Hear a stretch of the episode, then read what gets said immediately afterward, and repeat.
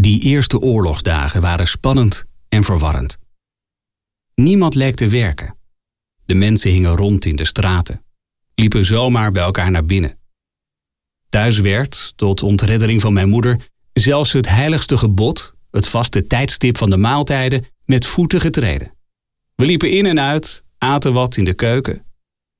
De onwezenlijke sfeer werd nog versterkt doordat het zulk schitterend weer was.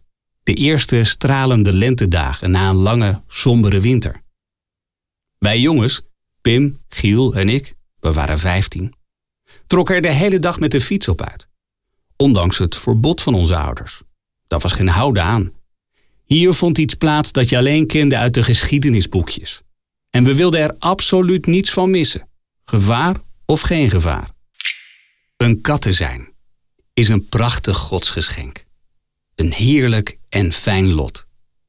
Iedereen die zijn ogen de kost geeft, ziet hoe sereen deze dieren leven. Hoe ze zich heerlijk kunnen uitstrekken, zachtjes een deuntje spinnen, nooit haast hebben, met hun ogen de bewegingen van een vlinder volgen en hun lippen aflikken na een heerlijke maaltijd. Een kat zijn betekent gelukkig zijn. Daar valt niet over te reden twisten.